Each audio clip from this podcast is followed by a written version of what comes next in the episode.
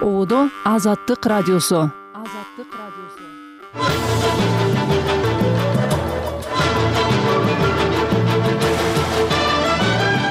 кутман таңыңыз менен угарман азаттыктын таңкы берүүлөрүн баштайбыз. Микрофондо мен түмөнбай абдинабий уулу берүүнүн жүрүшүнөн кыскача. Орусияда камакта жаткан оппозиционер саясатчы алексей навальный каза болду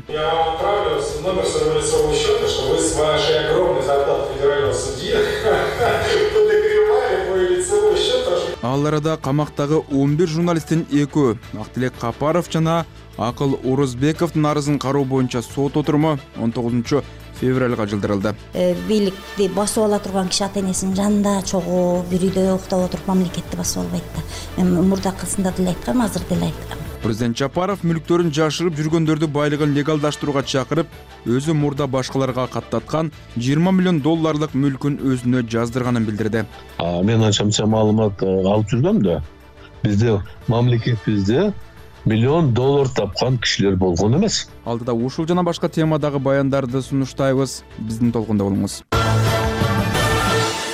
Алгач дүйнөдөгү жана кыргызстандагы соңку жаңылыктарды рахат кеңешовадан уксак рахмат саламатсыздарбы. Украинанын президенти владимир зеленский кечээ он алтынчы февралда германиянын борбору берлинде канцлер олаф шольц менен жолугуп коопсуздук боюнча кызматташтык жана украинага узак мөөнөттүү колдоо тууралуу келишимге кол койду. Зеленскийдин айтымында бул документте быйыл жыл ичинде украинага жети миллиард евродон ашуун каражат бөлүү каралган. Каражат курал жарак менен камсыздоого жумшалат. Германия орусияга каршы санкциялар эл аралык трибунал ыктымалдыгына жана орусиялык активдерди камоо маселеси боюнча өз позициясын тастыктай турганы белгиленди. эки миң жыйырма үчүнчү жылдын июль айында натонун вильнюста өткөн саммитинде чоң жети уюму украинага коопсуздук боюнча узак мөөнөттүү милдеттенмелерди убада кылган. Алардын арасынан тийиштүү келишимге биринчи болуп өткөн айда улуу британия кол койгон. Эл аралык медиадагы пикирлерге караганда киевдин өнөктөш өлкөлөрү менен бул сыяктуу эки тараптуу келишимдерге кол коюусу украинанын натога мүчө болуу жараянын тездетет бишкектин биринчи май райондук соту кечээ он алтынчы февралда ихсан групп лтд коммерциялык эмес турак жай кооперативинин жетекчилеринин иши боюнча өкүм чыгарды. Бул тууралуу азаттыктын сотко катышкан кабарчысы билдирди. Судья абдималик акматов кооперативдин башчысы акинай бекмурзаеваны он эки жылга эркинен ажыратып аны жабыркагандардын чыгымын төлөп берүүнү милдеттендирди. Кооперативдин дагы бир кызматкери эрмат абылкасымов он бир жылга кесилип сот залынан камакка алынды.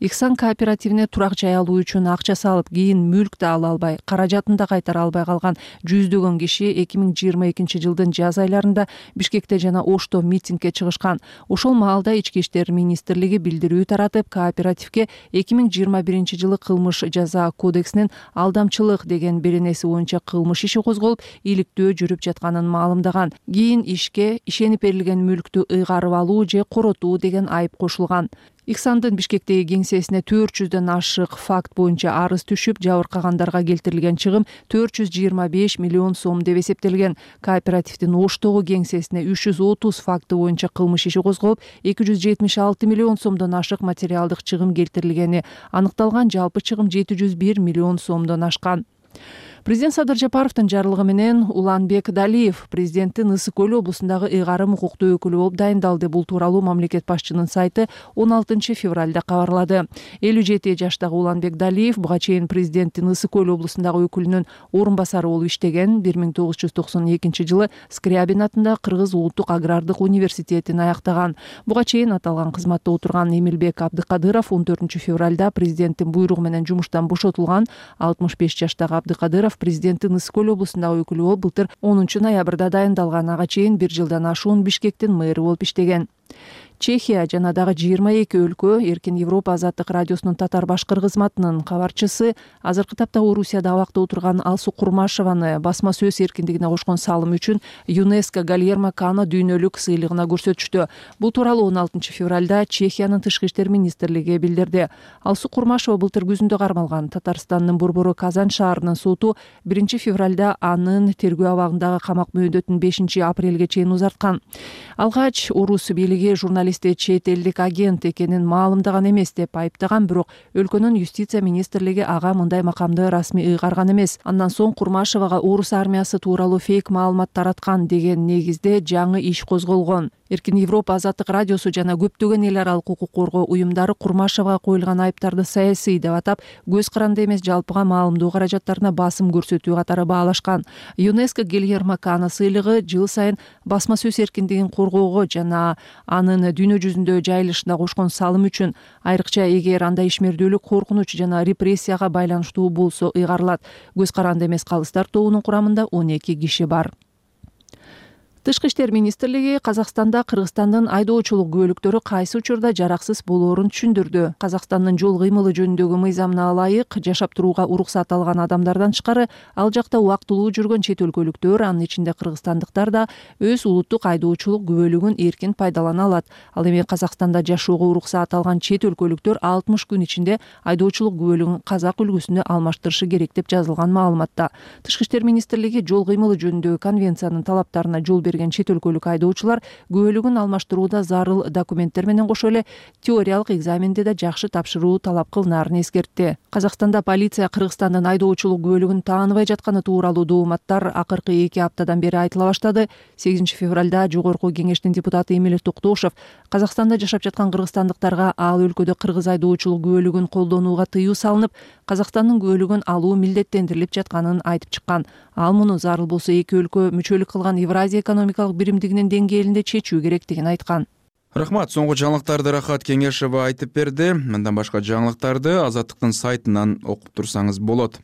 Орусияда оппозиционер саясатчы алексей навальный түрмөдө каза болгонун он алтынчы февралда орус медиасы федералдык жаза аткаруу кызматына таянып кабарлады. кырк жети жаштагы оппозиционер эки миң жыйырма биринчи жылдын январь айынан бери камакта отурган мекеменин маалыматына караганда ямал ненец автоном округундагы үчүнчү түзөтүү мекемесинде жаза мөөнөтүн өтөп жаткан навальный сейилдеп келгенден кийин өзүн начар сезип дароо эсин жоготкон. Негизи эле навальный ким болгон? Бул тууралуу элиза кененбаеванын баянында сөз болот.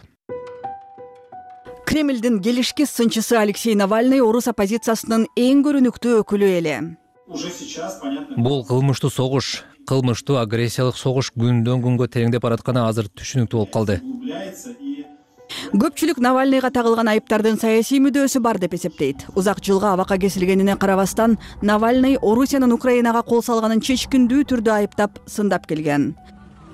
Путин пытается вмешать как можно больше людей путин буга көбүрөөк адамды тартууга аракет кылып келет ал жүз миңдеген кишилерди канга боегусу келет. Албетте мунун баары болуп көрбөгөндөй трагедияга көп сандагы адамдардын өлүмүнө жол ачат. Ошондой эле эч бир жакшылыкка алып келбеси айдын ачык. Оно не приведет и привести не может навальный темир тор артынан да сот жараяндары маалында дагы согушка каршы пикири менен бөлүшүп келген. Түрмөдөгү катаал шарттарга бир нече ирет жалгыз жазалоочу камерага киргизилгенине карабай навальный согушка каршы жалпы орусияда улуттук нааразылык акцияларына чыгууга чакырган. Что не все в россии такие чокнутые орусияда элдин баары эле адамдарды эмнеге өлтүрүп өзүлөрү эмнеге өлүп жатканын түшүнбөгөн ушундай акылынан айныган кан ичкич кеңкелес эмес экенин көрсөтүү керек навальный орусиянын президенти владимир путиндин бийлигин сындап өлкөдөгү коррупциянын бетин ачуу аракети үчүн ондон ашуун жылдан бери ар кандай кол салууга ууландырууга дуушар болгон. Путинские друзья получившие от него право украсть в россии все путиндин достору орусияда каалаганын уурдоого уруксат алганы үчүн ага көп жолу ыраазычылыгын билдиришкен тактап айтканда акча чогултуп бир бүтүн жүздөн отуз беш миллиард доллар топтоп өз жетекчиси үчүн сарай салып беришкен. Дворец на эти деньги. Бул иликтөө навальный покровдогу түрмөгө камалаардан бир ай мурда жарыяланган кремль анда айтылгандарды четке каккан эки миң жыйырма биринчи жылы ал түрмө жетекчилиги медициналык жардам көрсөтүүдөн баш тартып уйку бербей кыйнаганын айтып жыйырма төрт күндүк ачкачылык жарыялаган. Эки миң жыйырманчы жылдын августунда навальный сибирден учуп келатып өзүн жаман сезген учак омск шаарына конууга аргасыз болгон дарыгерлер аны медициналык комага киргизишкенден кийин ал берлинге дарыланууга жөнөтүлгөн. Навальный он жети күндөн кийин гана эсине келген. Кийинчерээк батыштагы бир нече лаборатория саясатчы нервти шалгылоочу новичок деп аталган уулуу заттын бир түрү менен ууландырылганын аныкташкан. Кийинчерээк навальный өзү жана башка иликтөөчүлөр жүргүзгөн журналисттик иликтөөлөрдө ууландырууну федералдык коопсуздук кызматы ишке ашыргандыгы тууралуу айныксыз далилдер келтирилген навальный өзү мунун баарынын артында орусиянын президенти владимир путин өзү тургандыгын билдирген. Бул дооматты кремль албетте четке каккан. Дарылануудан кийин навальный камалаарын билсе дагы орусияга кайтып москва аэропортунан дароо кармалган. Здесь мой дом бул менин үйүм. Бул жака келдим. Коркуп жатасыңбы деп улам сурап жатышат мен коркпойм. Я не боюсь. Федералдык жаза аткаруу кызматы берлинде дарыланып жүргөндө навальныйды эски кылмыш ишине байланыштуу шарттуу жазанын тартибин бузган деп айыптап аны камакка алуу арызы менен москва сотуна кайрылган. Москвада сот аны үч жарым жылга эркинен ажыраткан. Те люди которые сейчас обиделись на то что мага кастарын тиккен бул адамдар мени өлтүрө албай калган үчүн менин тирүү калганым үчүн жини келип эми мени камаганы жатышат. Теперь угрожают меня посадить навальныйдын камалышына байланыштуу орусиянын баардык аймактарында толкундоолор тутанып анын тарапташтарына каршы куугунтуктоолор башталды.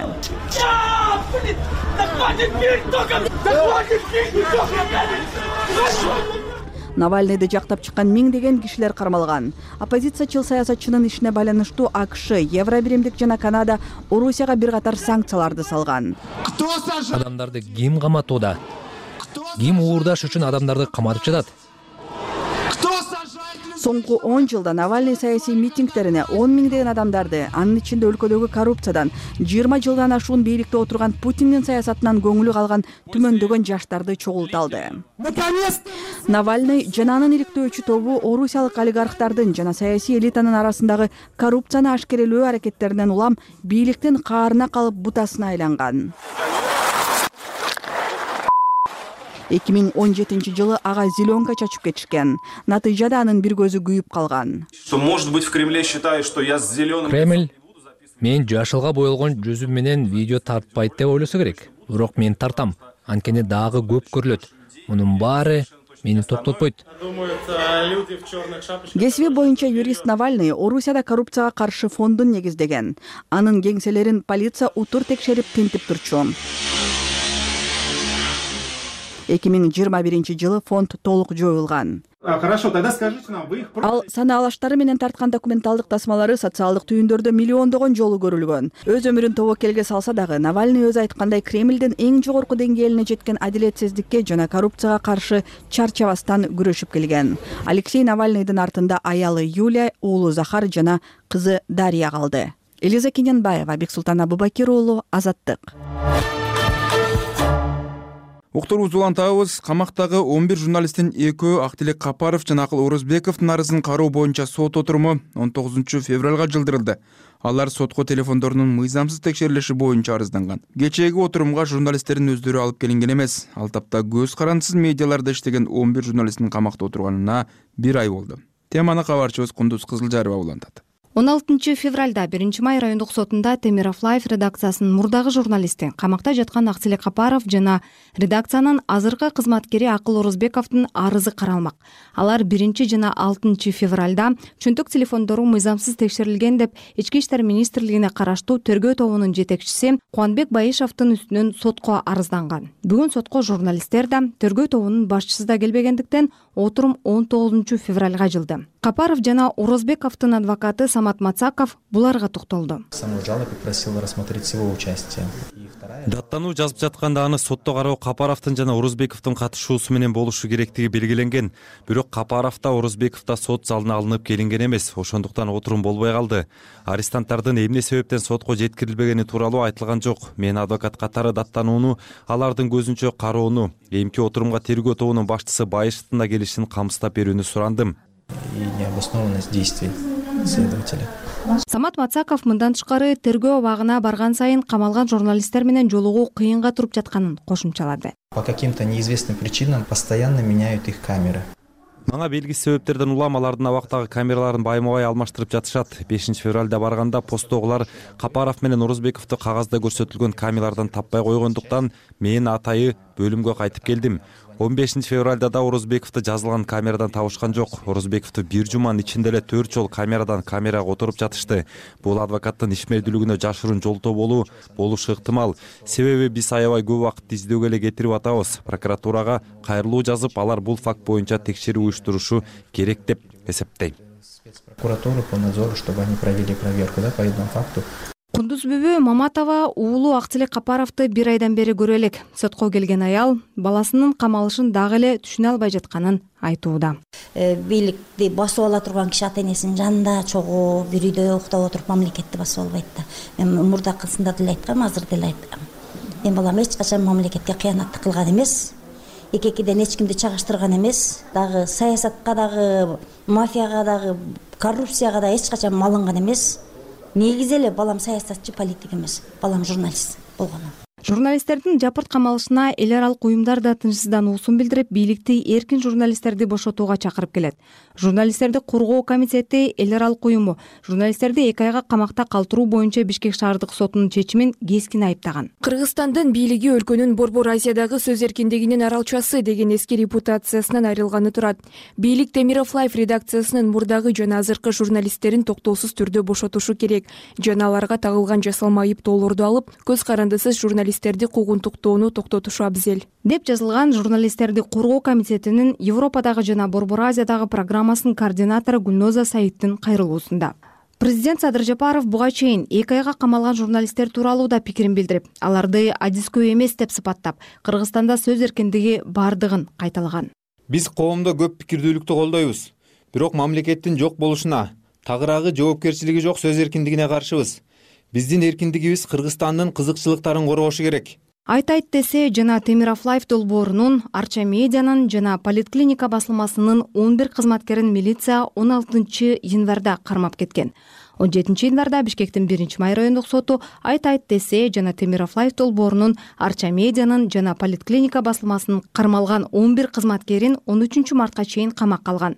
Журналисттердин адвокаттарынын аппеляциялык арызын караган шаардык сот биринчи инстанциянын чечимин күчүндө калтырган.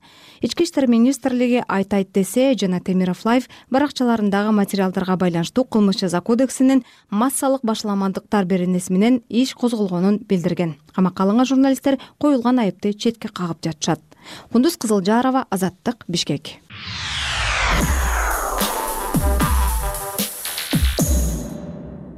орусия украинага каршы согушка непалдын он беш миңдей жаранын жалдаган болушу мүмкүн. Бул тууралуу cnn телеканалы непалдык депутат мурдагы тышкы иштер министри бимала райпаудальга шилтеме берип жазды. Телеканал бул санды ырастай албаганы менен бул актар украинадан кайтып келген же согуштан качкандарга таянып ушундай маалымат берүүдө. Буга чейин непалдын полициясы согушка азгырган деген шек менен бир нече кишини кармаганы кабарланган. Айнура жекше кызын угалы америкалык телеканалдын кабарчылары орусия тарабында согушкан непалдыктар менен сүйлөшүп аларды миңдеген чакырым алыс өлкөдөгү урушка аттанууга эмне түрткөнүнө кызыгышкан. Төлөй турган насыяларым бар болчу. Акча көп беришерин угуп калып армияга барууну чечкем деп айтып берген жараат алгандан кийин согуштан качып келген жыйырма төрт жаштагы жигит. Хатка аттуу дагы бир мурдагы жалданма согушкер москвага былтыр сентябрда барган экен. Аны эки жума машыгуудан өткөндөн кийин дароо айыгышкан кармаштар жүрүп жаткан бахмутка жиберишкен. Мен орус армиясына жыргаганыман барган жокмун. Непалда жумуш табуу мүмкүн эмес. Бирок артка кылчайып карасам ал туура эмес чечим болуптур майданга тез эле жөнөтүшөрүн. Абал ушундай коркунучтуу болоорун түшүнгөн эмесмин деп айтып берген хатка. Афп агенттиги непалдык жалданма согушкерлер орусияда бир айда тапкан акча мекениндеги бир жылдык кирешесинен эки эсе ашаарын жазат. Ошондой кишилердин бири жарым жылда он беш миң доллардай алганын ушундан улам орус тарапта согушууга макул болгонун баяндап берген. Непал гималайда индия менен кытайдын ортосунда жайгашкан чакан кедей өлкө.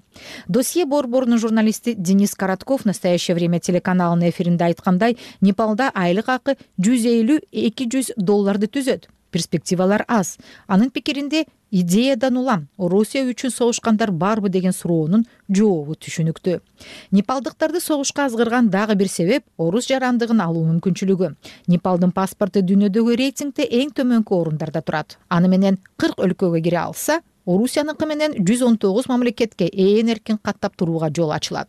Коротков непалда чет жердеги согушка жалдануу кылмыш болуп эсептелээрин бирок сот жообуна тартылуу коркунучу өлкөдөн кетүүнү каалагандарды токтото албай турганын белгилейт. Во первых соответственно возвращаться в непал может быть.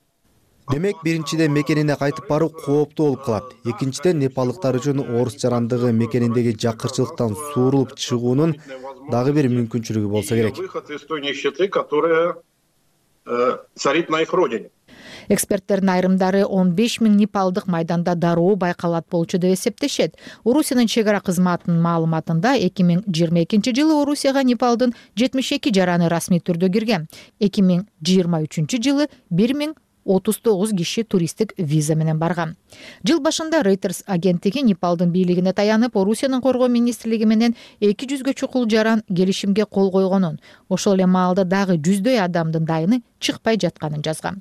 Расмий маалыматка ылайык соңку эки жылда орусияда иштөөгө сегиз жүздөн көп кишиге уруксат берилген. Украинада канча непалдык жаран бар экени тууралуу маалыматтар жок медиа зона басылмасынын журналисти дмитрий трещанин настоящее время телеканалына айтып бергендей непалдыктардын согушка катышканы жана каза тапканы тууралуу маалыматтар чыкканы менен массалык далилдер жок э, если бы на фронте было бы даже две тысячи человек мы это видели бы. Cnnге айтып беришкендей фронтто жок дегенде эки миң непалдык жүрсө аны жоготуулардан эң негизгиси туткунга түшкөндөрдөн байкамакпыз. Өзгөчө чет өлкөлүктөрдүн же түрмөлөрдөн жалдап алган кылмышкерлердин өлүмүн жашыруу оңоюраак болсо туткунга алынгандарды жаап жашыра алышпайт менимче непалдын төрт жараны украиндердин туткунуна түшкөнүн билебиз. это тоже там речь идет по моему четверых өткөн декабрдын башында непалдын полициясы жумушсуз жарандарды орусияга жөнөтүүгө шек саналган ондон ашык киши кармалганын билдирген. Анда кылмышка шектүүлөр ар бир адамдан тогуз миң долларга чейин алып орусияга туристтик виза менен негизинен бириккен араб эмираттары аркылуу жөнөтүп турганы. Алар андан ары орус куралдуу күчтөрүнө жалданганы айтылган. Рейтерс непалдын жалданма аскерлери жакшы машыкканын мыкты согуштук чеберчилиги менен белгилүү болоорун. Муну алар британ жана индия армияларында далилдегенин жазган ал мамлекеттер менен непалдын тиешелүү келишими бар бирок орусия менен түзүлгөн эмес. Өткөн жылы декабрда непалдын бийлиги орус тарапта согушкан алты жараны каза тапканын билдирген. Өлкө бийлиги орусияга кайрылып маркумдардын сөөктөрүн кайтарууну жакындарына кенемте төлөөнү сураган. Ошондой эле непалдыктарды жалдоону токтотууга ал жакта жүргөн жарандарды кайтарууга чакырган.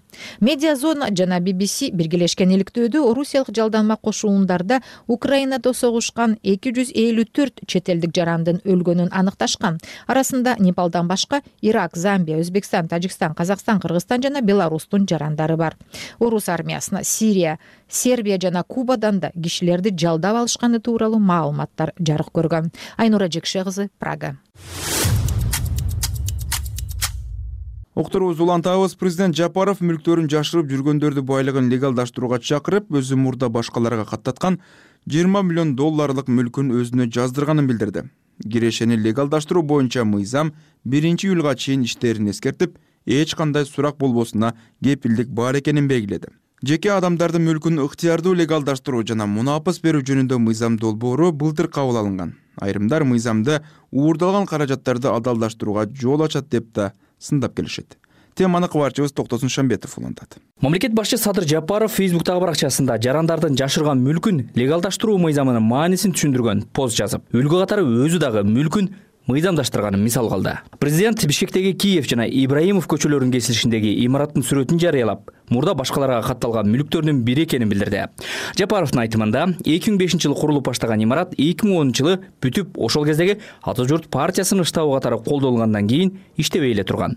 Эки миң жыйырманчы жылы президенттик шайлоодо штаб катары пайдаланып андан бери толук кандуу иштеп жатат президент ушул жана башка жыйырма миллион долларлык мүлкүн өзүнө каттатып легалдаштыруу мыйзамы боюнча бир миллион сом мамлекетке төгүп берди ушул мыйзамды пайдаланып өз мүлктөрүңөрдү өзүңөргө каттап легалдаштыргыла жана чет өлкөлөрдөгү банктарда катып жаткан акча каражаттарыңардын баарын биздин банктарга которгула. Бул мыйзамдын негизинде мамлекет силердин капиталыңардын коопсуздугуна жүз пайыз толук кепилдик берет. Жапаров мындан ары ички жана тышкы инвесторлор үчүн бейиштей шарттарды түзүп берүүгө мамлекеттин баардык күчү жумшаларын кошумчалады. Президент садыр жапаров өзүнө каттаткан имарат учурда асман бизнес борбору катары иштеп жатат. Борбордун инстаграмдагы баракчасындагы маалыматка караганда ар кандай фирмаларга ижарага кеңсе берилет. Бул имарат жөнүндө эки миң жыйырманчы жылы фактчек kg порталы иликтөө жарыялаган. Жеке адамдардын мүлкүн ыктыярдуу легалдаштыруу жана мунапыс берүү жөнүндөгү мыйзам долбоору былтыр кабыл алынган. Мыйзамдын маанисин жалпак тил менен түшүндүрүп айтканда жарандардын адалдаштырылган байлыгынын кайдан келгенине сурак болбойт. Азырынча мамлекеттик органдар мыйзам күчүнө киргенден бери канча жаран канча суммадагы каражатын легалдаштырылганы боюнча маалымат бере элек экономика жана коммерция министри данияр амангелдиев азаттыкка буларды айтып берди. Бир топ эле эмеден мурунку акциялардан бир топ эле. Тогуз жүзгө жакын адам. Жыйырма тогуз анын ичинен жыйырма тогуз адам миллион төлөдү да жанагы эмеденчи жүз миллиондон ашкан эгерде боло турган болсо бир миллион жанагы эмесин төлөйт төлөмүнчү. Ошондой жыйырма тогуз адам. Жок анын каражаттын эмеси айтып албайт ал тиги э, нотариус менен купуяда аныкы экономика министри жалпы канча каражат легалдаштырылганын атаган жок.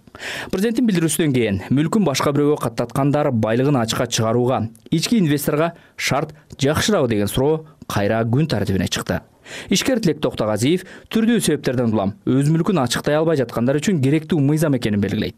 Бирок токтогазиевдин пикиринде өлкөдөгү ишкерлерге карата акыркы жагдайлардан улам жарандар байлыгын ачыктоо кампаниясы максатына жетпей калышы мүмкүн. Эми президент э, өзүнүкүн э, баарын ачыктаса дагы э, буга эч нерсе болбойт. Башкалар мисалы үчүн өзүнүн чыныгы мүлктөрүн чыгарып койсо кийин аларды дагы жана кустеризациянын кийинки этабына өтүп мүмкүн дегенден коркуу сезим бар да.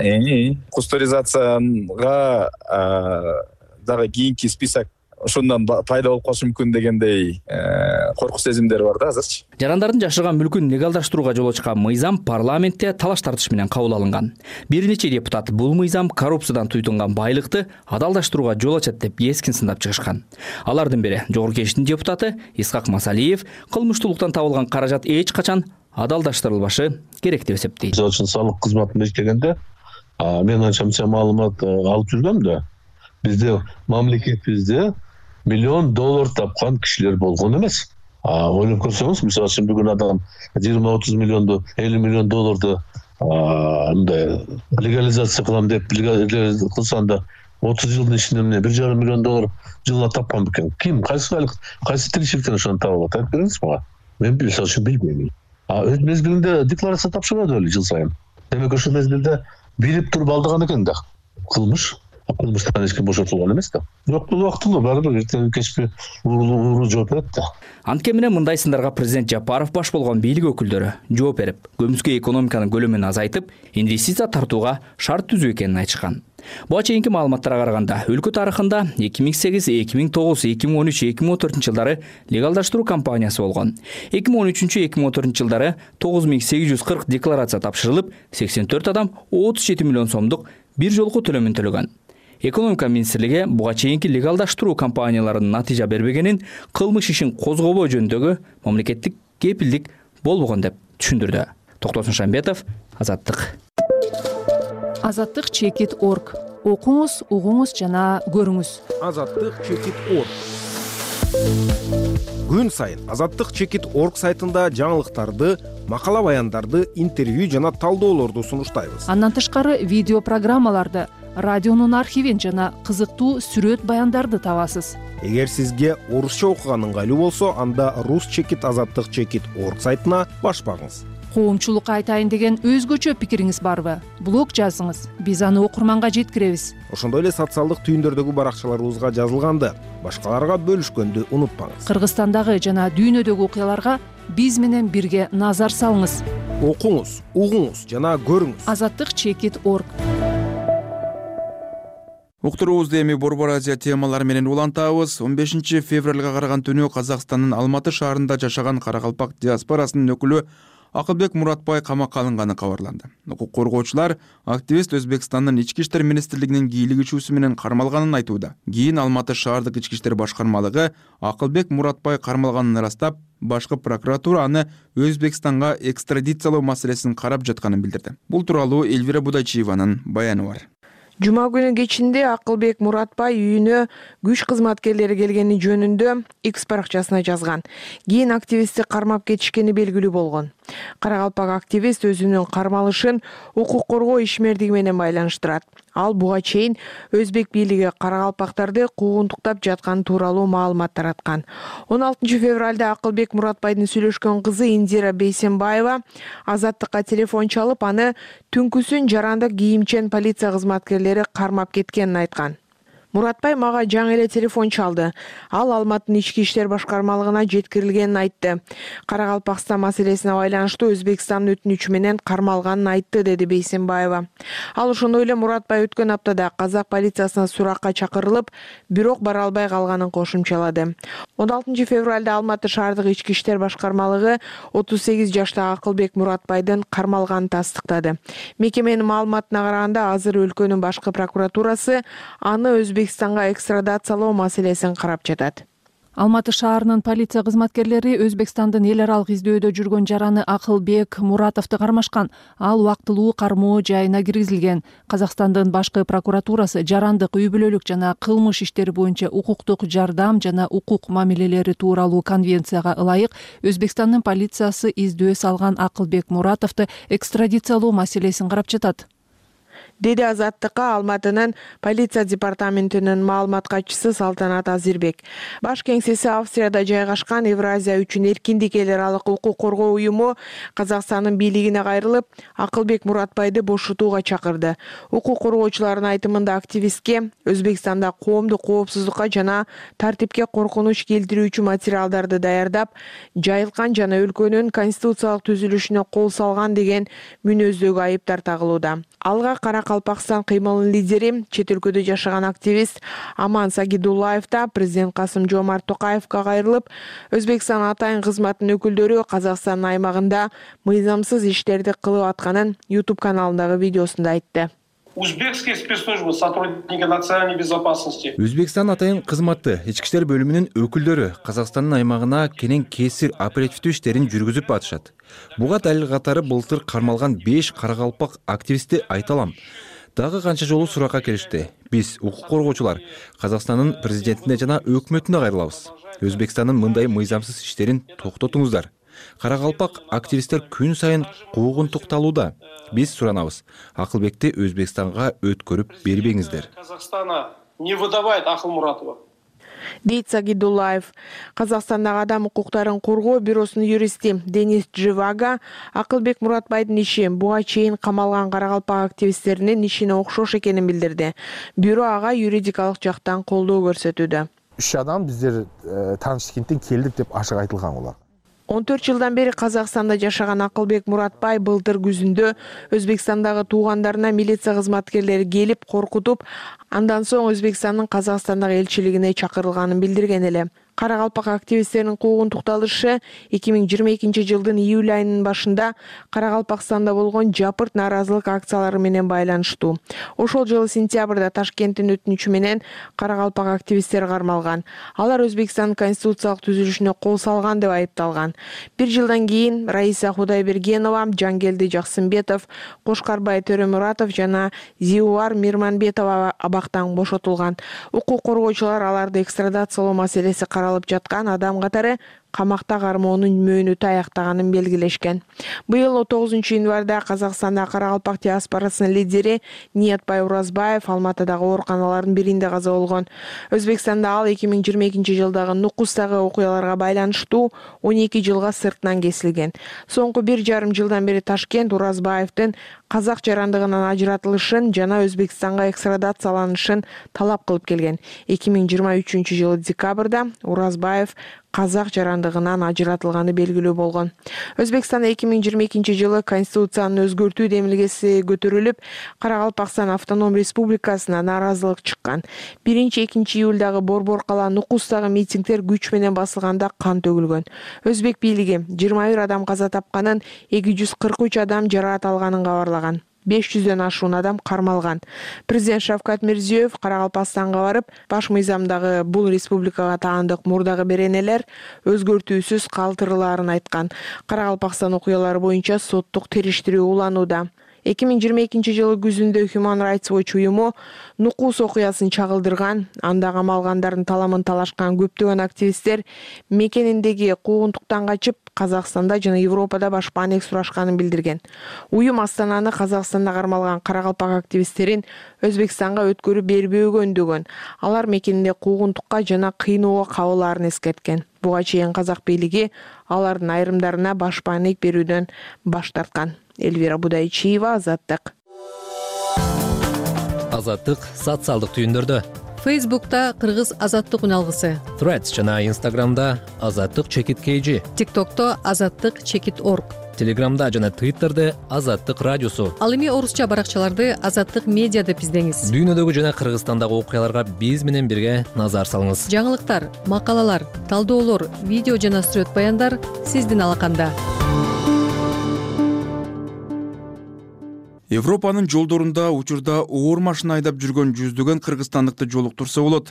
Кээ бирлери эмгек акысын ала албай контракттары аткарылбай алданып атүгүл соттошуп жүрөт. Башкалары иш берген компанияларына иштөө жана жашоо шарттарына ыраазы экенин айтышат. Road transport due diligence foundation уюмунун маалыматына караганда борбор азиялык мигранттардын көбү арасында кыргызстандыктар эксплуатацияга туш болот. Алар кандай адилетсиздикке кабылат? Айдоочулардын укуктарын ким коргоп ким жардам берет европага аттанаардын алдында эмнелерди эске алуу зарыл? Биз жана дүйнө берүүсүндө ушул суроолорду талкуулайбыз. Сөз айнура жекше кызында. Өзгөчө эки жылдан бери украинадагы согуштан улам транспорт компаниялары борбор азиядан көбүрөөк жумушчу күч жалдай баштады. Эмгек миграциясы албетте оңой болбойт.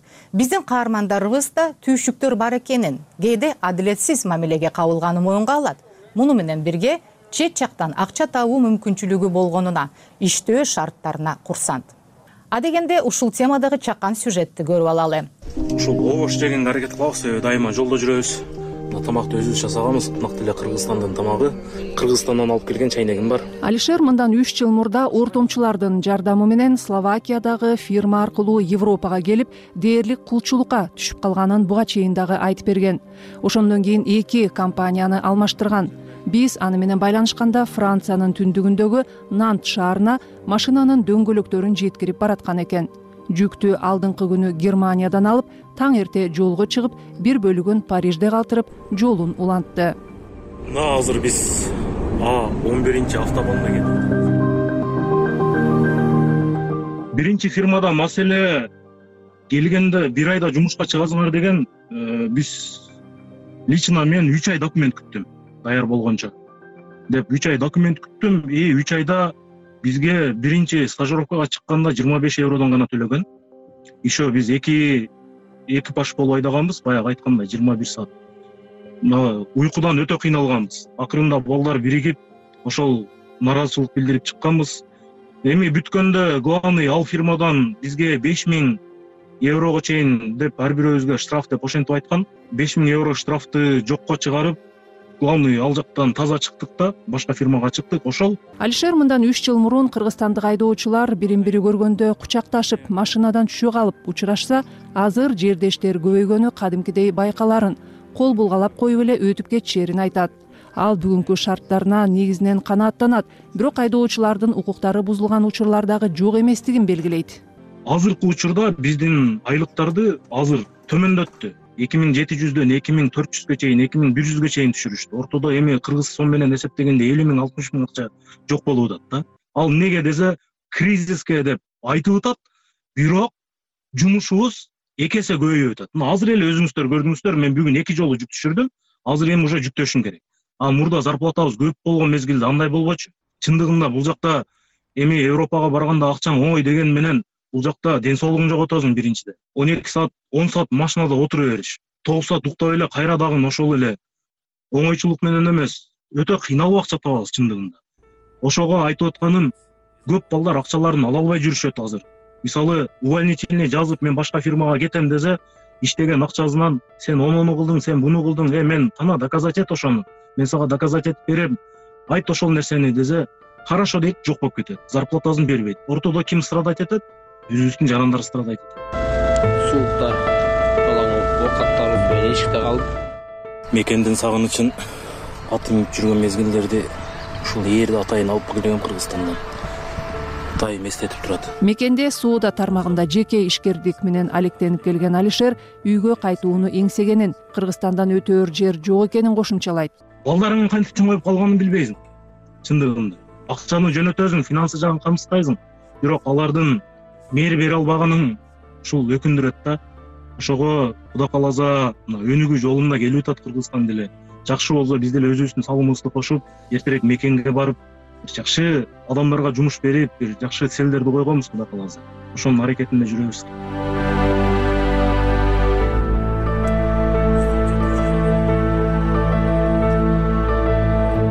Режимибиз эртең менен э, сегиз тогуздарда башталат. Кечинде сегиз тогуздарда бүтөт алишерден айырмаланып санжар европанын бир өлкөсүнөн экинчи өлкөсүнө жүк ташыбайт. Бир жарым жыл мурун литвалык фирма аркылуу ишке орношкон мекендешибиз. Германиянын өзүндө эле кауфланд компаниясынын товарларын азык түлүк дүкөндөрүнө ташып турат. Батыштагы хайльброн шаарында беш айдоочу менен чогуу үч бөлмөлүү батирде айына үч жүз жыйырма евро төлөп турат. Ишин эртең мененки саат сегиз тогуздарда баштап кечки тогуздарда аяктайт төрт саат сайын эс алышат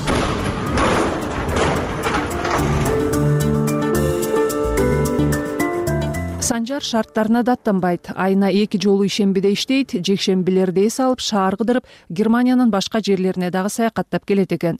Бирок баардык эле айдоочу мигранттардын жашоо турмушу тегиз эмес. Мисалы литва бизди жумушка жайгаштырабыз германияда иштейсиңер деп бизди чакырышат жумушка. Анан ар кандай учурларда мисалы германияга жибергенде э, кээ бир фирмалар жакпай калып жумушу өтө оор болуп калып анан ал жакта фирма германиядагы фирмалар мисалы бизге э, бул водительдер кереги жок деп көчөгө чыгарып койгон учурлар болот. Анан жолдо калып тигилер э, литвага чалса алар албай калып ушундай учурлар көп эле болот ар кандай ортодо келишпестиктер болуп анан көчөдө калып калдык ушундай учурлар болуп калат ар кандай. Кээ бир фирмалар жакшы фирмалар болуп жакшы иштешип кээ бирлер жакшы иштеше албай айлык акысын ала албай калып анан литва менен профсоюздар менен байланышып алышып ошондой болуп турат. Айрым айдоочулар айлап машинасынын кабинасында жашаган учурлар дагы көп жолугат. Биздин мекендешибиз түшүндүргөндөй алыс жолго чыкканда бул кадыресе көрүнүш. Менин досторум тааныштарым бар кабинада жашагандар. Э, мисалы э, немеден жумуштан зависить этет көбүнчөсү бул по европа иштегендер линиялары ошондой болгондор кабинада жашашат да. Например бүгүн францияга жүк болсо эртең испания ар кайсы жактарда ташып жүрсө аларга мындай квартирада жашаган э, мүмкүн эмес да. Э, мисалы эртеси францияда болсо ошол жолдо түнөп паркингдерде түнөп ошентип иштеп жүрүшө берет. Үч ай үч ай иштешет андан кийин эс алышат кайра үч ай иштешет ошентип кабиналарда жашап иштешет. Мисалы ал жактан литвадан сүйлөшкөндө бизде бул жумушту сүйлөшөбүз. Жумуш кандай? Германиянын ичиндеби же мындай линиясы по европеби же германиянын ичиндеби дегендечи ошондо мен линия ушу германиянын ичинде эле болсо деп ушул жака келгем да ушул фирмага атайын. А так башка э, фирмалар башка линиялар ошол ошондой болуп калат европа по европа?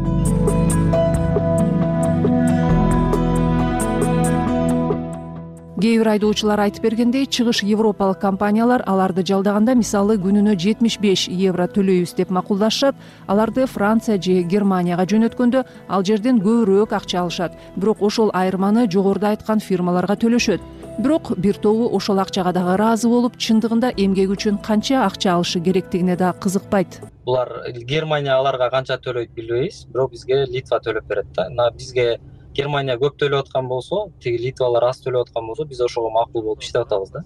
Бирок аны мен точно билбейм да чынында билбейм. Булар канча көп төлөйт же алар аз балким бирдей эле төлөйт.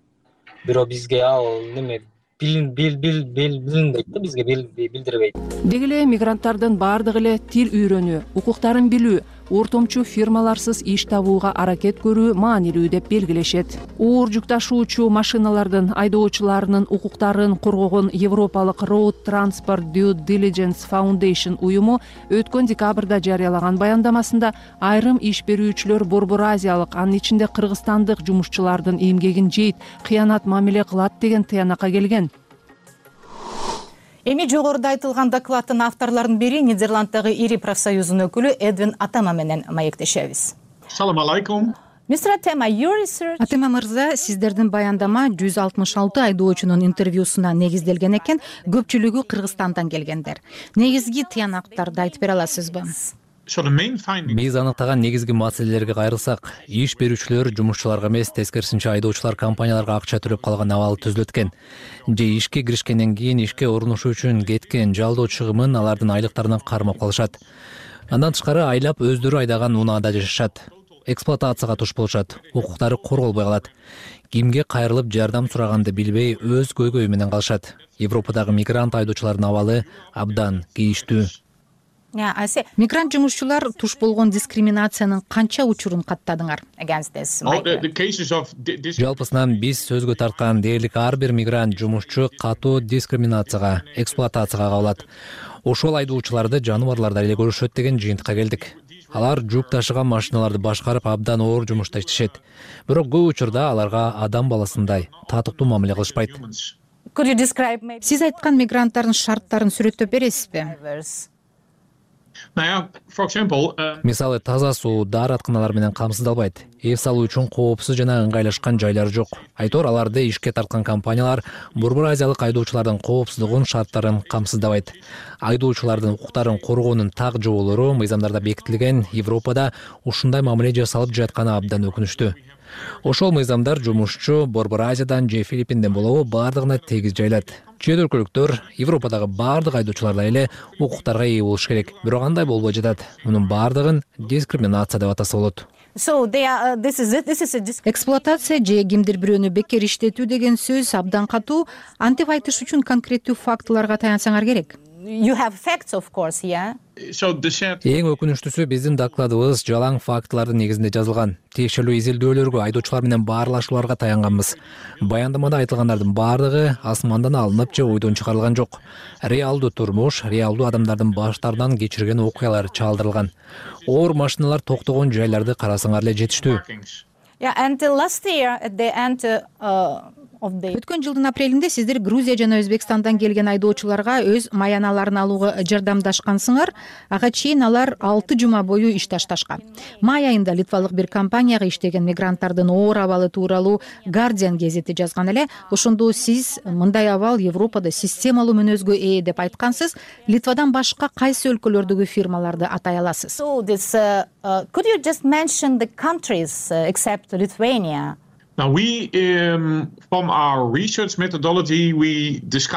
биз методологиялык изилдөөгө таянып ушундай абалга жоопту үч тараптуу сүрөттөп бердик. Биринчи кезекте жумушчуларды жөнөткөн өлкөлөр. Алар кайсы жактардан келгенине кызыктык. Кыргызстан тажикстан өзбекстан жана башкалар болуп чыкты. Андан кийин ишке алган өлкөлөрдү аныктоого кириштик. Башкача айтканда мигранттар кайсы мамлекетте контрактка кол коюшат? Кайсы жерден европага киришет? Негизинен бул литва болуп чыкты польша аркылуу азыраак келет экен. Андан ары венгрия жана словакия турат.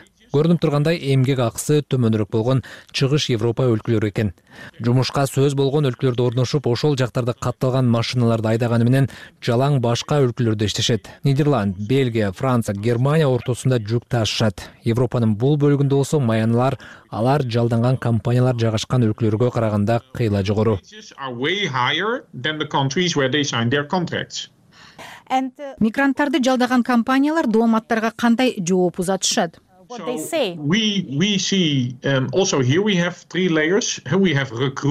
бул жерде да үч тарапты көрүүгө болот. Биринчиден өзбекстан тажикстан же европанын айрым өлкөлөрүндөгү жумуштарды жалдаган ири компаниялар. Андан кийин ошол мигранттарды ишке алган транспорт компаниялары турат ошондой эле жүк багытталган соңку кардалар бар. Айдоочулардын өкүнүчтүү абалын сөз кылганда ошол компаниялар бүт дооматтарды четке кагышат. Германиядагы иш таштоо учурунда аларды ишке алган компания атүгүл ок өткөрбөгөн күрмө кийип жаш агызчу калемпир баллондору менен куралданган бет капчан чоң муштум бандиттерди ээрчитип алган алар айдоочуларды опузалап сабамакчы болгон. Ошол шылуундарды полиция кармап кетти. Тартип коргоочулар менен бирге жумушчуларды коргоп калганбыз бул окуя ошол компаниялар мигрант айдоочулардын укуктарынын корголуусуна жардам алуусуна тоскоолдук түзгөнүн чектен чыккан чаралардан да баш тартпасын даана көрсөтүүдө сөз болгон фуралар европанын булуң бурчунда товар ташып жүрүшөт.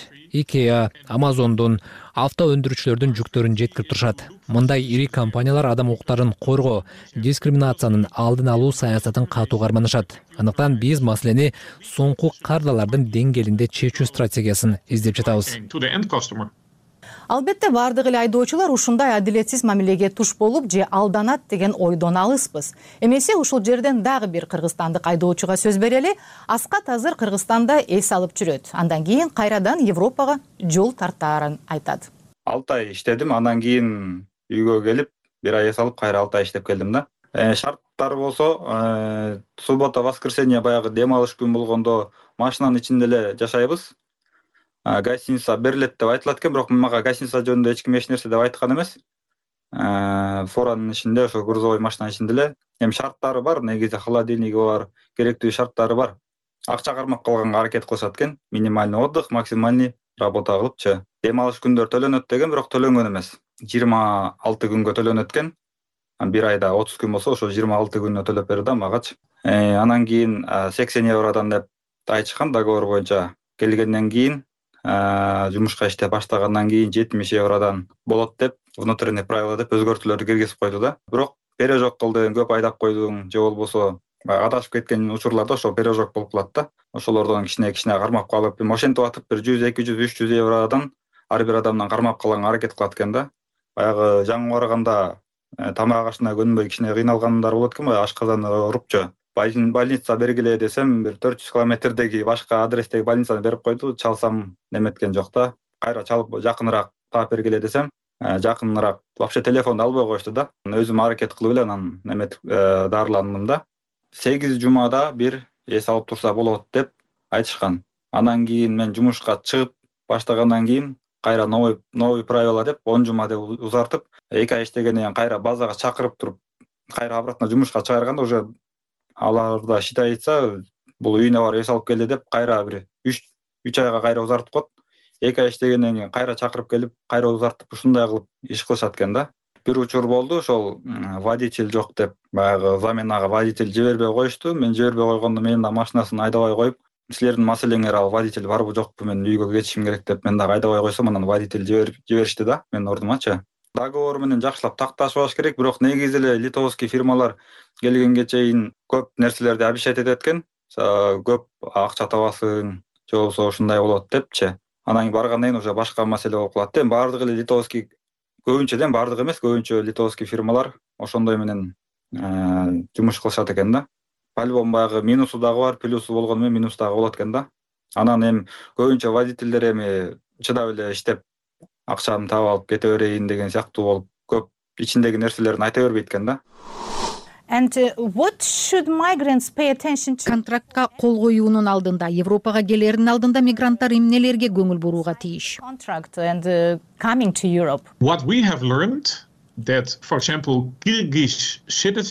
uh, кыргызстандыктар абдан абийирдүү сөзгө бекем келишет экен. Башкалар да өздөрүндөй ак ниетте ишенишет кол алышып макулдашышса эч кандай кагаздын да кереги жок деп ойлошот. Анткени кыргыздар жигиттик сөзүнө турушат ооз эки келишимдерди урматташат. Кыргызстанда намыс көйлөктөн улам кол алышуу документке караганда маанилүүрөөк деген ой пайда болду. Аларды ишке алган компаниялар мигранттар түшүнбөгөн контракттарга кол койдуруп алышат. Сага мындай же тигиндей шарт түзөбүз баланча акча аласың деп ооз эки айтышат. Мигранттар ишенип алышат ошон үчүн биз айдоочуларга сиздер кол койгон келишимди жакшылап түшүнүш керек. Көчүрмөсүн сактап калуу зарыл деген кеңеш беребиз. Бул укуктарын коргоонун алгачкы жана мыкты жолу. Келишимде жазылгандарды эстеп калгыла. Анан документте а деп жазылса иш берүүчү б деп айтса европада кагазга кандай жазылса ошол нерсе юридикалык далил болуп эсептелет. Бир караганда жөп жөнөкөй эрежелердин абдан маанилүү экенин түшүндүрүүгө аракеттенебиз андан тышкары иш берүүчү мыйзам бузууга үгүттөсө андай далилдерди да сүрөткө тартып алгыла бул дагы өз укугуңарды коргоого жардам берет.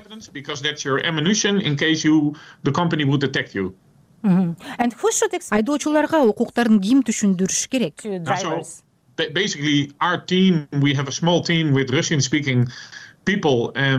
биздин чакан уюмда орус тилдүү кызматкерлер бар. Ушул тапта абдан кыйын абалда калган кыргызстандык тажикстандык айдоочулардын иштери менен алектенип жатабыз. Өзүбүздү көп учурда тагдырларды сактап калган укук коргоочулардай сезебиз. Бирок ошол жумушчуларга алар европага келе электе эле кеп кеңеш берип укуктарын коргоо жолдорун табууну каалайбыз. On a more abstract level defend the rights of these workers and advise them even before they are in Europe. Сиздер менен э, байланышкан мигранттардын баардыгынын эле маселеси оңунан чечилбесе керек? That's impossible. Um, we have kind of a golden rule that uh, жок андай мүмкүн эмес. Жумушчулардын коопсуздугу биринчи орунда туруш керек деген алтын эрежебиз бар.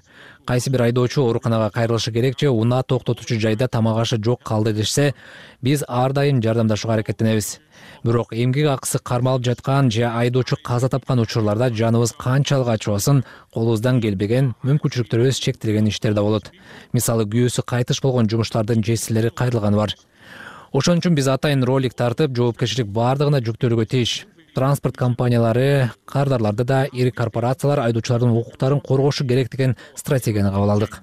So that the end customers of of these transport companies safeguard the rights of these drivers сиз ошондой татаал эсиңизде калган эмоционалдуу жүрөк ооруткан бир окуяларды айтып бересизби? Мисалы гардиан гезити бөйрөгү иштебей калган бир айдоочу мигрантты чехиядагы ооруканага алып келишкенин жазганы бар.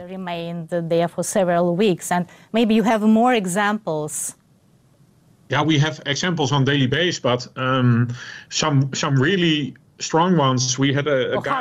андай мисалдарга күнүгө туш болобуз. Айрымдары абдан татаал болот. Баары эле жүрөгү оорутат себеби күч кубаттуу эркектер оор жумушта иштеп европага акча табабыз деп келишет. Анан бул жактан ушундай кейиштүү абалга туш болушат. Мисалы бир кыргыз жигит ооруп калып иш берүүчүсүнө медициналык жардамга муктаж экенин айтат. Компания ишиңди улант же болбосо айлыгыңды албайсың деп жообун узатат.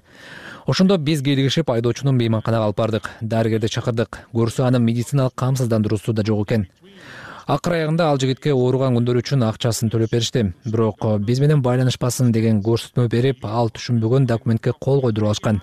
Ооруканадан чыгып литвага кел деп көндүрүүгө аракеттенишкен. Нидерландда отурган уюм сага баары бир жардам бере албайт деп айтышкан. Ооба бул абдан таасирдүү окуялар. Же италияда же францияда жүргөн жерден каза тапкан кишилердин жесирлери жардам сурап кайрылган бирөө күйөөсү шаар түзүлөт деген убада берилгени менен жарым жыл айдаган машинасында түнөп жүргөнүн айтып берген. Бул абдан кейиштүү окуялар себеби транспорт компаниялары ак эмгеги менен акча табуу үчүн европага келген адамдардын үй бүлөлөрдүн тагдырлары менен ойношот.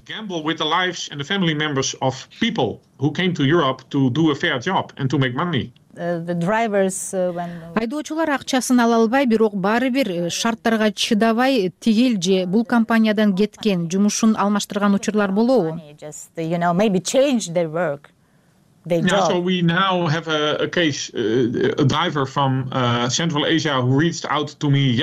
кечээ эле мага борбор азиялык бир жумушчу чыкты. Ал беш ай бою трактын кабинасында жашап келиптир. Күнүнө токсон евро маяны алат деп убада кылышыптыр.